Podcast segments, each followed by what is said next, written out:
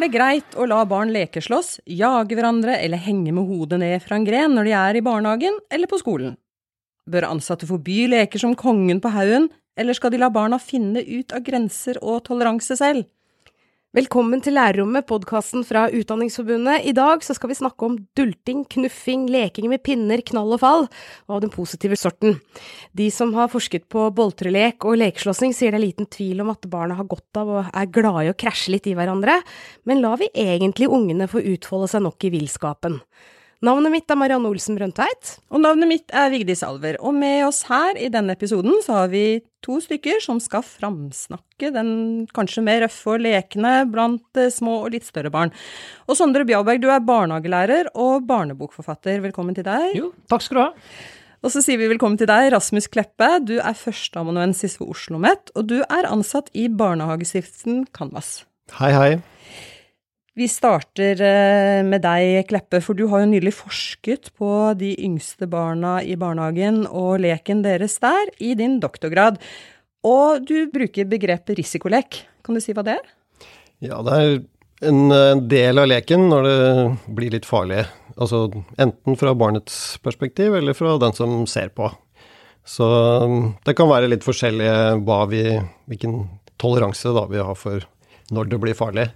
Lek er jo da det som er frivillig fra barnets side, og så noen ganger så kan det bli litt, litt farlig. Farlig. farlig. Det høres litt sånn skummelt ut. Kan du gi noen eksempler på det? Det, det som fra, vi har fra forskningen, da, er at det skal være en mulighet for at det blir en skade. Men det er med litt eldre barn. Det kan vi si liksom f.eks. med høyde. Så klatrer opp på et lite bord, faller ned fra bordet, så blir det vondere, eller kanskje en større sjanse for at det blir en skade da, hvis du faller ned fra bordet, enn hvis du bare faller på bakken. Ja, Det samme er med en del andre sånne ting som blir en del av leken. av Fart, eller at man har noe verktøy med, eller en eller annen gjenstand i leken. Alt dette er som gjør at det blir litt mer sannsynlig at det blir en skade. Jeg har sett på litt yngre barn, og da blir jo det kriteriet, kan vi si, nesten helt borte. Ja. Eh, men jeg, jeg vil jo fortsatt si at veldig, veldig små barn, altså de yngste barna, de leker også med risiko. Begynner å ta dette her inn i, i leken sin. Og så, mm, ja. Vi skal komme tilbake til det med at de er yngre, men, men eh, du konkluderer jo bl.a. med at denne leken, risikoleken, er spesielt verdifull for barn. Eh, og også så sier du at den har eh, langsiktige fordeler. Her må du forklare litt, tror jeg. Ja, det er jo Jeg skal ikke si at det er å ta munnen litt full, men uh, hvis jeg skal være veldig sånn streng for, forsker, så vet vi ikke det så veldig godt, eller vi har ikke dokumentert det så veldig godt da, på lang sikt. Det er litt sånn vi trekker slutninger ut av hva barn gjør generelt i leken. At de Eller gjør seg erfaringer med det de, det de er interessert i sjøl. Og så utvikler de en eller annen forståelse av liksom Hva er det de lærer, da? Ja, De lærer f.eks. å håndtere kroppen sin, da. Klatring er da et sånt eksempel som ofte kommer tilbake. Du kan klatre så høyt som det passer deg.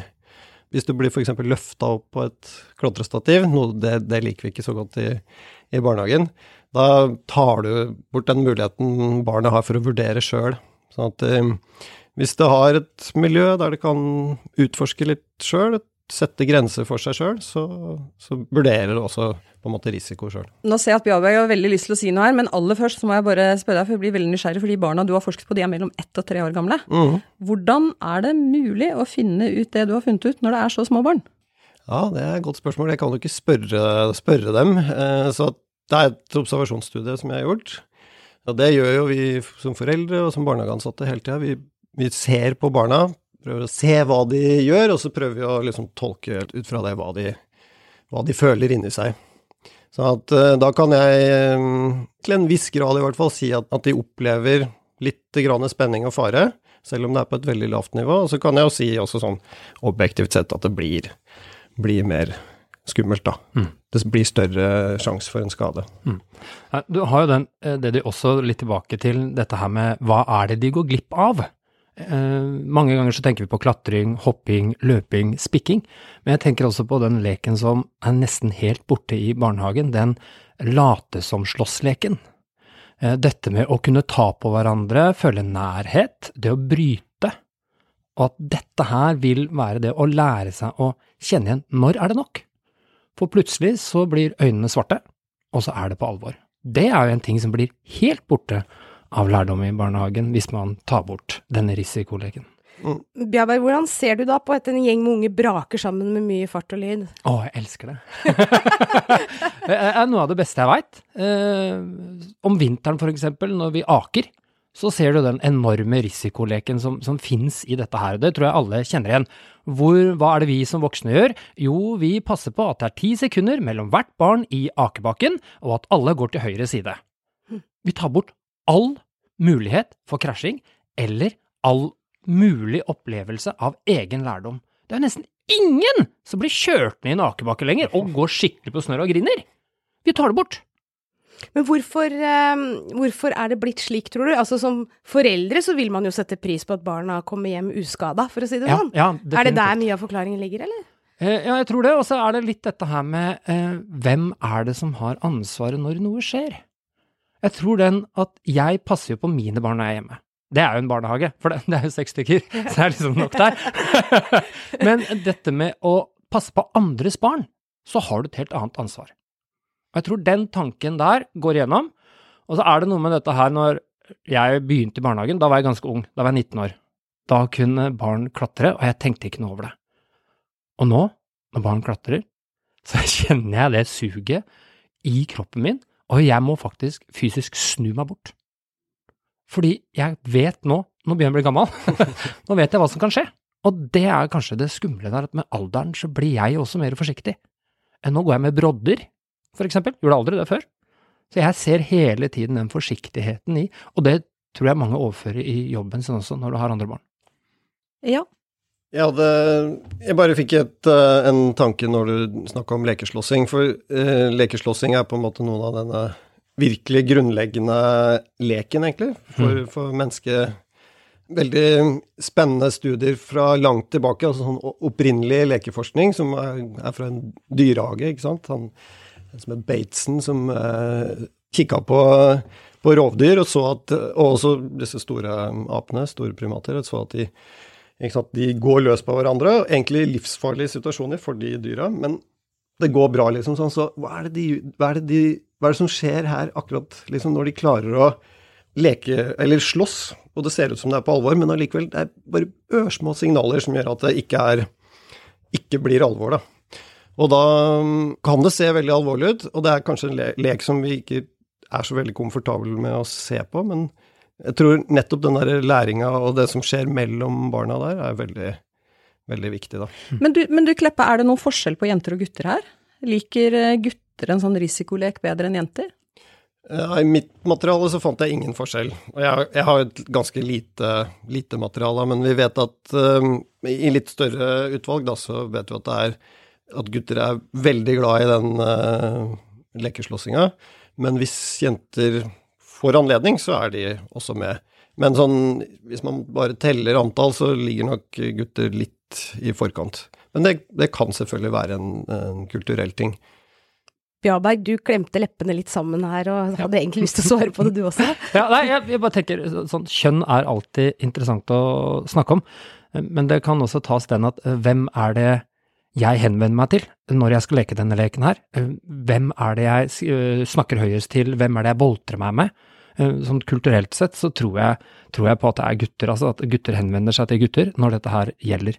Men det morsomste er jo at når jeg starter dette her med, med jenter, så elsker de det jo. Eh, Og de eh, liker det kanskje enda mer enn gutter. Og de er mye bedre også til å lære seg signalene og de små verktøyene som de faktisk trenger i den type lek. Jeg har ingen forskning eller dekning på det, eh, men det er bare lang, lang erfaring. For jeg har jobbet i mange år i barnehage. Har du noe forskning på det? Altså, hva viser forskningen din om de ansattes forhold til risikolek? Ja, der er det litt som forventa at uh, Vi har ikke noe veldig gode resultater på det, men vi vet at menn er litt mer tolerante og tillater litt, litt grann mer. Og, og, kanskje spesielt Altså hvis du ser stort på risikolek, da, med, med alle forskjellige typer farer, men ikke bare denne lekeslåssinga. Mm. Men um, lekeslåssinga i seg sjøl er kanskje den som har hatt mest sånn internasjonal oppmerksomhet fra tidligere, og er den som er forska mest på. Da, da dominerer gutter, og, og menn, mannlige ansatte, har ørlite uh, mer toleranse for det, da. En av dere var inne på det i sted, dette her med uhell som kan skje, og barn begynner å gråte og bli redde. Hva, hva da?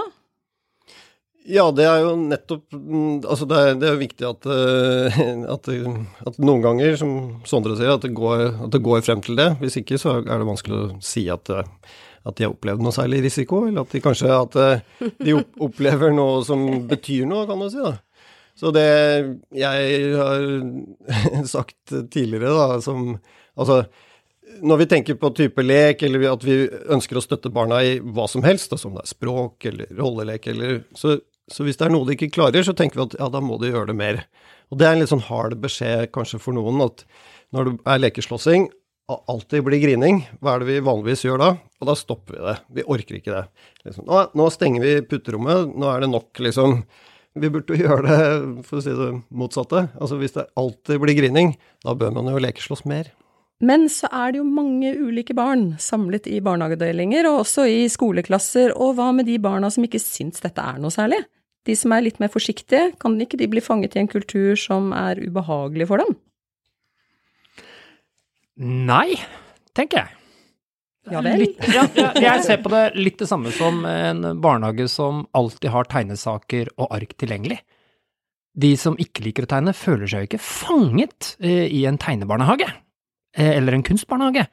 Men hvis du aldri blir introdusert for det, hvis du aldri får muligheten til å se den type lek, så vil du i hvert fall ikke ta det valget. Eh, men hvis du har den tryggheten med at de som er med, de skal være med, og når man leker den leken, så må man spørre de. Man kan ikke komme hoppende bak noen og dytte noen og rulle seg rundt med en som ikke er klar for det, og dette er jo den lærdommen som vi ser, som mange barn faktisk mangler også. De bare hopper på, og så sa de ja, men jeg trodde du var med, jeg. Men så er de jo ikke med. Mm. De kommer bakfra, de har ikke spurt, de har ikke snakket sammen, de har ikke beveget seg inn i det miljøet sammen. Det er én som allerede er der, og hopper på. Da kan det være farlig for de som ikke har lyst til å være med. Men det å få lov til å stå på utsiden og se den gleden og latteren og smilene hos de barna som leker den leken, da tror jeg, jeg tror faktisk at de har lyst til å prøve, på sin måte. Ja, jeg, jeg tror vel at uh, den Og det er norsk barnehage god på, på en måte se individuelle barns behov. Og de tilrettelegger for mye bra type lek og variert lek, men kanskje at denne boltreleken eller lekeslåssing er noe av det mindre populære.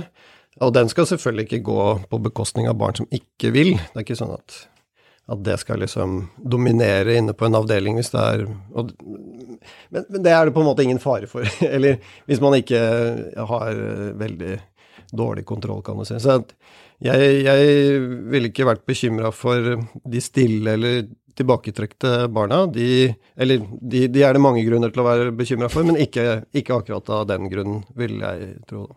Bjarberg, mener du at barn kanskje må utfordres til å dytte litt på egne grenser? Ja, hvis du skal utvikle deg, eller hvis du skal bli kjent med deg sjøl, så må du jo sette og prøve å bli satt dine egne grenser for, av andre og for deg selv. Hvis det aldri blir gjort, så tenker jeg at det er vanskelig å vite hva jeg egentlig tåler, og hva jeg kan mestre.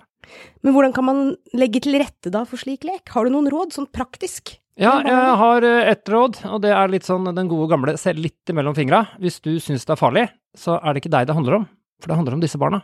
Men vi tar som regel dette at det skal handle om meg, om min følelse, om min opplevelse av den type lek, og så ser vi alltid fremover! Hvorfor gjør vi det? Vi ser alltid 'å, det kan jo ende med' og derfor stopper vi det. Litt det samme som du sier, eh, når man eh, har vært inne på et hopperom og puterom, og så er det en som slår seg, så stenger vi for alle! Sånn kollektiv avstraffelse, det er en fantastisk ting. Istedenfor å si og fortelle det barnet, om det er gutt eller jente, hva var det som skjedde nå? Jo, du hoppa jo, og så glemte du å se deg for. Og da fikk du vondt. Det er jo å trøste når barn får det vondt. Eh, og et fang, armer, fortelle, og så ikke stoppe de, men la de prøve på nytt. Og så ønsker jeg det som jeg er ikke sånn vil kjempe for, er sånn, nå må du være forsiktig. Jeg liker ikke det ordet. Fordi det sier noe med at jeg stoler egentlig ikke på deg i den leken her, jeg veit at du kommer til å feile, så du må være kjempeforsiktig, hvis ikke så slår du deg. Det jeg liker, eh, et bitte lite ord, apropos sånne tips, nå må du konsentrere deg. For det sier du da, dette får du til, gjennom å konsentrere deg og være til stede her og nå for barnet. Ja, Kleppe, nå har du veldig lyst til å si noe, tror jeg? Ja, vi, vi vil jo ikke liksom Eller jeg vil i hvert fall ikke romantisere altså, verken fare eller risiko eh, for barna, men det er vanskelig å tenke seg et liv, et helt liv uten risiko i det hele tatt. Og vi er jo opptatt av at barna skal eh, mestre så mye som mulig her i livet. Og, og et aspekt av livet er jo da et, et visst sånn faremoment eller risiko. Man må vurdere konsekvenser og sannsynlighet for at noe gærent skal skje. Så det begynner de med på et veldig, veldig lavt nivå sjøl. Og hvis vi stopper det i stor grad, så går de antageligvis glipp av det. Hva, hva gjorde barnehager du inkluderte i forskningen din for å legge til rette for denne leken? Jeg så på fysisk tilrettelegging, og så så jeg på hva de ansatte gjorde. Og igjen så det er store begrensninger ved mitt studie. Jeg vet at folk hater å høre, forskere si det, men sånn er det nå en gang. Men um, det, den, det, lille utvalget som jeg har sett på, da, og som har på en måte begynt å, å kikke på hvordan ansatte forholder seg til de yngste barnas risikolek, de er ganske trygge på det. Altså Litt sånn som Sondre beskriver lar barna i stor grad leke fritt, og gir litt sånn hint, litt spørsmål. Eh, viser med blikk og kropp at de er til stede og, og støtter hvis det skulle være behov for det.